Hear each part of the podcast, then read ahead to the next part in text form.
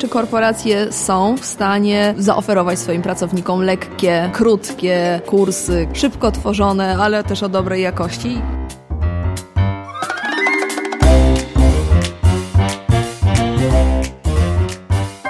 Dwa Edu. Podcast o szkoleniach, prezentacjach i technologiach wspierających rozwój. Jeśli zależy Ci na efektywności szkoleń i interesują Cię nowinki techniczne, ten podcast jest właśnie dla Ciebie.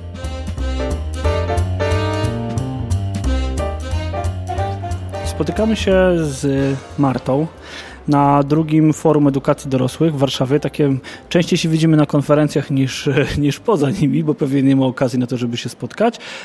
Ale myślę, Marta, że nie wszyscy słuchacze podcastu Cię znają, więc jakbyś mogła powiedzieć kilka słów o sobie. Cześć, e, dzięki za zaproszenie do tego podcastu. Nazywam się Marta Eichstätt i prowadzę swoją firmę Webcom, gdzie zajmujemy się webinarami. Czyli z jednej strony szkolimy bardzo często trenerów wewnętrznych w dużych organizacjach, ale też na przykład w firmach szkoleniowych, jak wykorzystywać pracę szkoleniową w wirtualnym pokoju do warsztatów, do form wykładowych, szkoleń. A drugi obszar to jest po prostu organizacja webinarów i transmisji online albo u klienta, albo w naszym studio.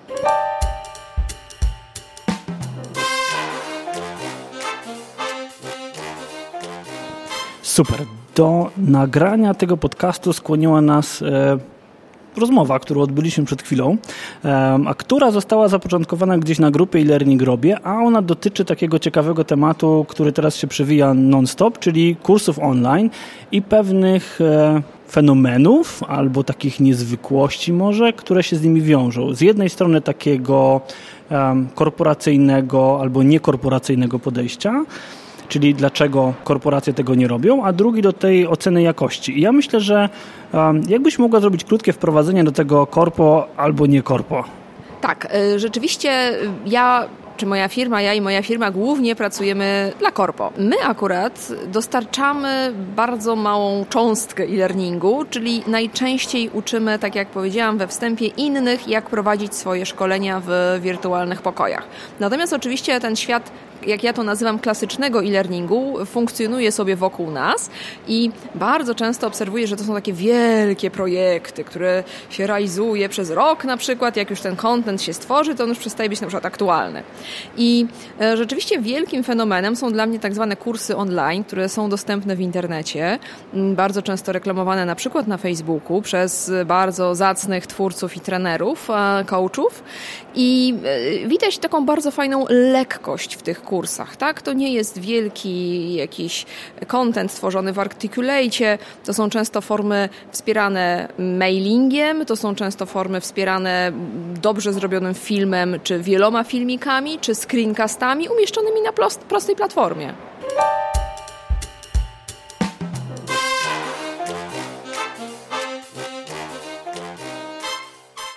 Ja myślę, że patrzę na to z dwóch perspektyw. Z jednej strony sam jestem autorem takiego kursu, e, z tym, że ja go postawiłem na Moodlu, bo dla mnie było najszybciej na Moodlu niż tam WordPressa konfigurować. Ja poszedłem już w ogóle, wiesz, w minimalizm, ale na przykład ja uczestniczę w kursie, który jest kursem pisania, jest zorganizowanym cały e, na grupie facebookowej.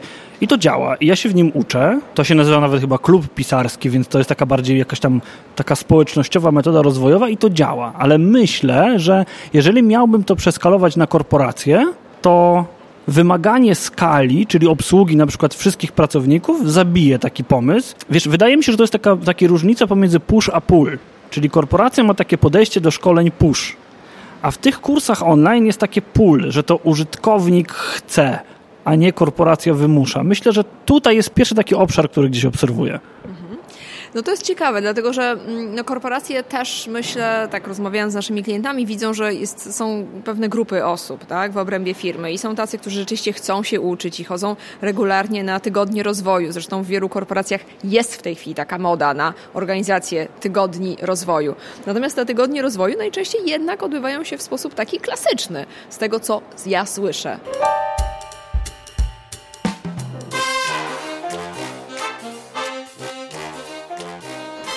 Ale zobacz, no ale klasycznie to działa. Człowiek jest odciągnięty od biurka, idzie na spotkanie, uczy się czegoś tam, coś sobie ponotuje, ktoś mu tam poodpowiada, A w kursie online w zasadzie to jest moim zdaniem to jest jeden, jeden z błędów, które organizacje popełniają, że nie masz przestrzeni ani czasu na to, żeby się uczyć. Ty masz to gdzieś zrobić w tak zwanym międzyczasie, który jak wiemy nie istnieje. Więc jak mielibyśmy pierwszą rzecz taką tutaj wykrystalizować, dlaczego? No to może dlatego, że z klasycznej edukacji jest skorzystać łatwiej. Łatwiej pojechać na szkolenie na drugi koniec Europy na tydzień, niż udzielać się na grupie facebookowej przez tydzień. Pełna zgoda i rzeczywiście ten brak usystematyzowania czy brak pewnych zasad, y, jak się uczymy w organizacji y, za pomocą innych metod niż tradycyjne szkolenie, jest dużym problemem i to obserwuję u wszystkich klientów. Natomiast jest, wydaje mi się, że jeszcze jedna rzecz, a mianowicie zauważ, że wszystkie te kursy, które mają sukces, które są bardzo polecane w, w tak zwanym internecie, mm, są tworzone przez osoby, które też zbudowały swoją markę. To są osoby, które najczęściej dłużej już działają w internetach i są widoczne um, tworzą swoje treści, często bezpłatne, a kurs jest taką wisienką na torcie. I wydaje mi się, że też pewną przeszkodą jest właśnie to, że m, mm, szczególnie w dużych firmach trenerzy są anonimowi. Czy to trenerzy wewnętrzni, czy w firmach szkoleniowych, którzy pracu, które pracują dla, dla dużych firm. Tak? I m, mm, stworzenie takiego kursu przez, nie wiem, Martę, której nikt nie zna, e, no powoduje, że znowuż jest to kurs taki no name, tak? No ja myślę, że Martę zna dużo osób, ale wiesz co, myślę, że tak, ale z drugiej strony ja też znam sytuacje, w których zapraszany jest jakiś guru z tematu X do tego, żeby poprowadzić szkolenie i on w zasadzie jest takim naganiaczem do tego, żeby sprzedać tam pięć innych jakichś sesji, no nie? Więc e, kurczę, ale tu się pojawia fajna okazja, no nie? Bo może wziąć by takiego mm, rynkowego eksperta, i poprosić go o na przykład o skustomizowanie takiego szkolenia pod konkretną organizację. Wiesz, to jakby tutaj mi się otworzyła taka, taka właśnie klapka przed chwilą, że można by było spróbować to tak zrobić, z tym, że jak to w korporacji, od razu byłby z tego wielki projekt. To by się nie, to by się nie dało chyba tak zrobić, wiesz, że byłby to tak samo lekki kurs. No właśnie, no wiesz, to, to, jest, to jest bardzo ciekawe, bo my y, prowadząc szkolenia, jak szkolić w wirtualnych pokojach, no w zasadzie już się spotykamy z tym podejściem robienia małych kursów, małych szkoleń. Z tym, że one najczęściej odbywają się poprzez webinary, bo zespół jest mocno rozproszony. Więc taki trend już jest. A i oczywiście w, w, dużych firmach to się wiąże z tym, że trzeba kupić licencję. Tą licencję, nawet jak ona kosztuje 100 zł, to się kupuje bardzo trudno. E, już nie będziemy wchodzić w detale, ale wszyscy, którzy pracują w korpo i dla korpo znają procesy zakupowe. I, i, i to jest też pewien, pewien problem i pewna przeszkoda. Wbrew pozorom wielkim problemem jest na przykład program do nagrywania screencastów.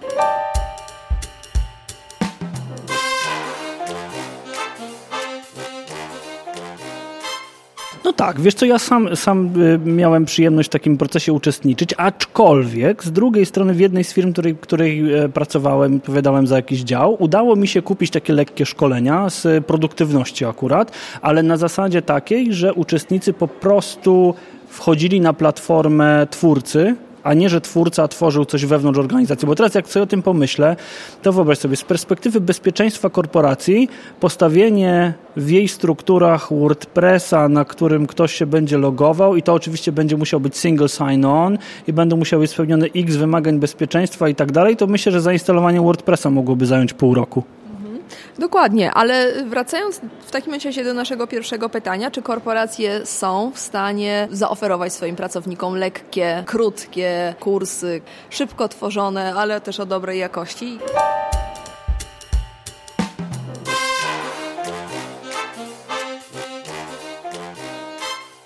Wiesz co, ja myślę, że są, ale nie wiedzą, że mogą. A czy powinny brać przykład z twórców e, znanych e, i widocznych na przykład na Facebooku, którzy rzeczywiście osiągają spore sukcesy w sprzedaży takich kursów?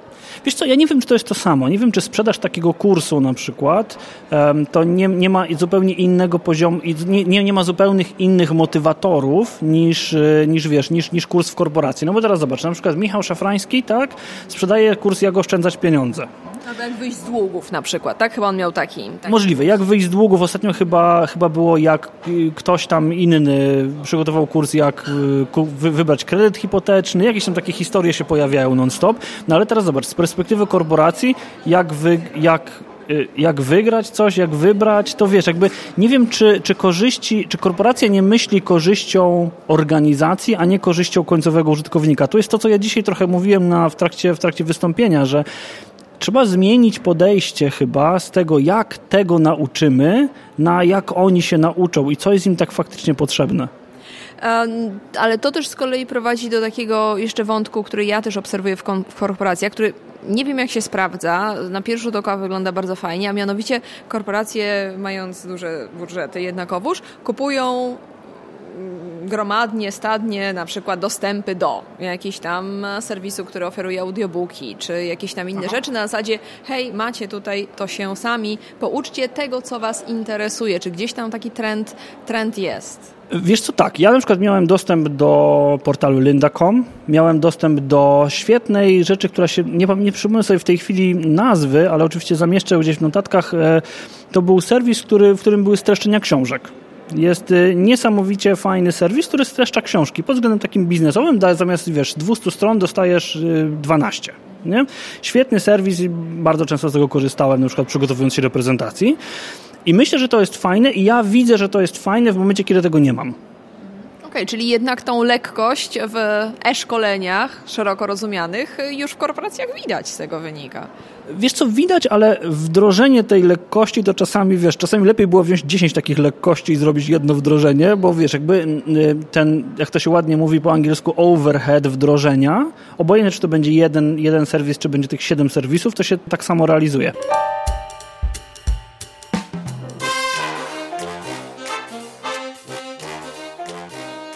Wiesz co, myślę, że przeszlibyśmy jeszcze do, do, tej jednej kwestii, która nas tu nurtuje, właśnie, żeby przenieść tę lekkość do korporacji, to tam musiała być jakość. Musiałaby być. No i teraz co z tą jakością? No właśnie, to jest bardzo dobry temat i kiedy mm, rozmyślałam na temat naszego spotkania i naszej rozmowy, to pomyślałam o filmie, który chyba 6 czy 7 lat temu był szeroko komentowany w internetach i nie tylko, a film nosił tytuł Blogerzy.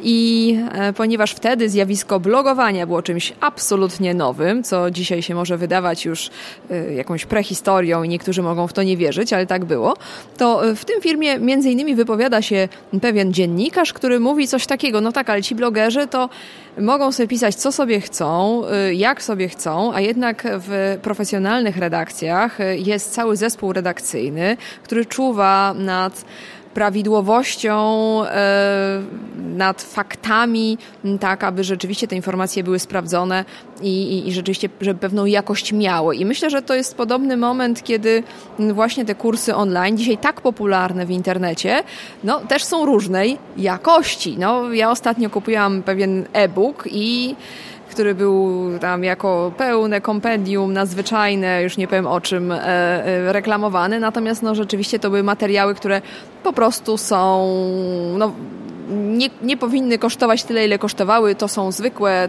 takie instruktaże, które są za darmo dostępne w internecie, tak?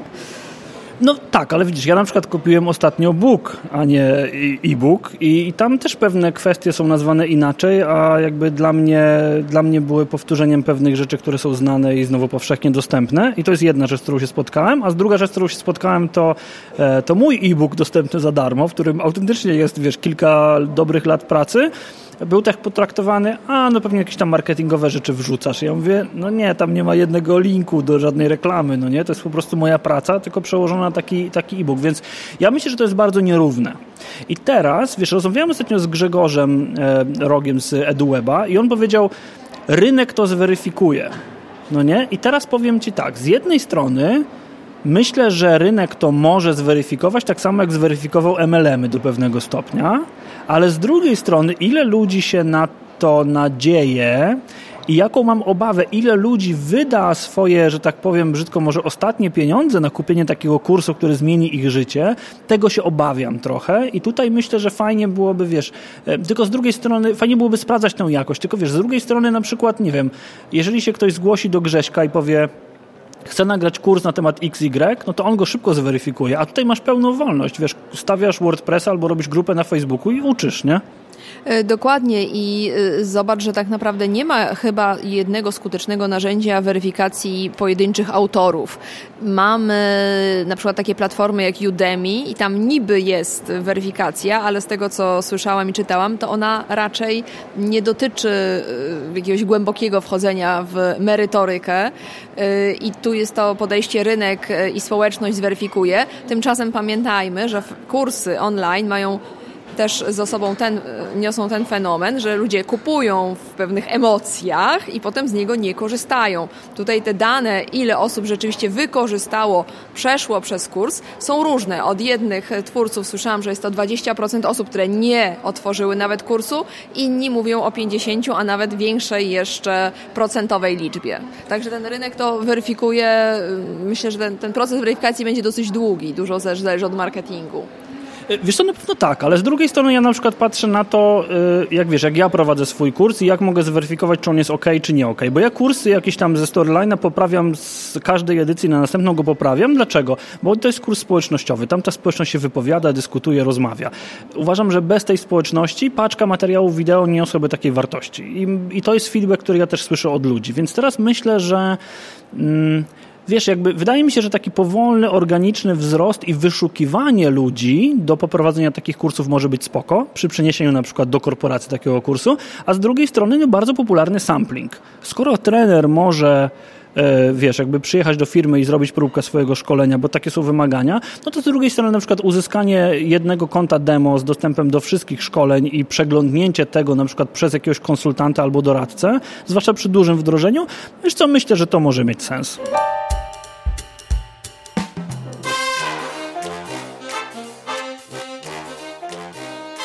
No ja myślę, że trzeba po prostu, podsumowując tę naszą rozmowę, powiedzieć sobie sprawdzam. Więc e, dziękuję Ci bardzo za rozmowę i mam nadzieję, że wkrótce porozmawiamy znowu na jakiś inny pasjonujący temat. Dziękuję bardzo. Do usłyszenia. 2EDU. Podcast o szkoleniach, prezentacjach i technologiach wspierających rozwój.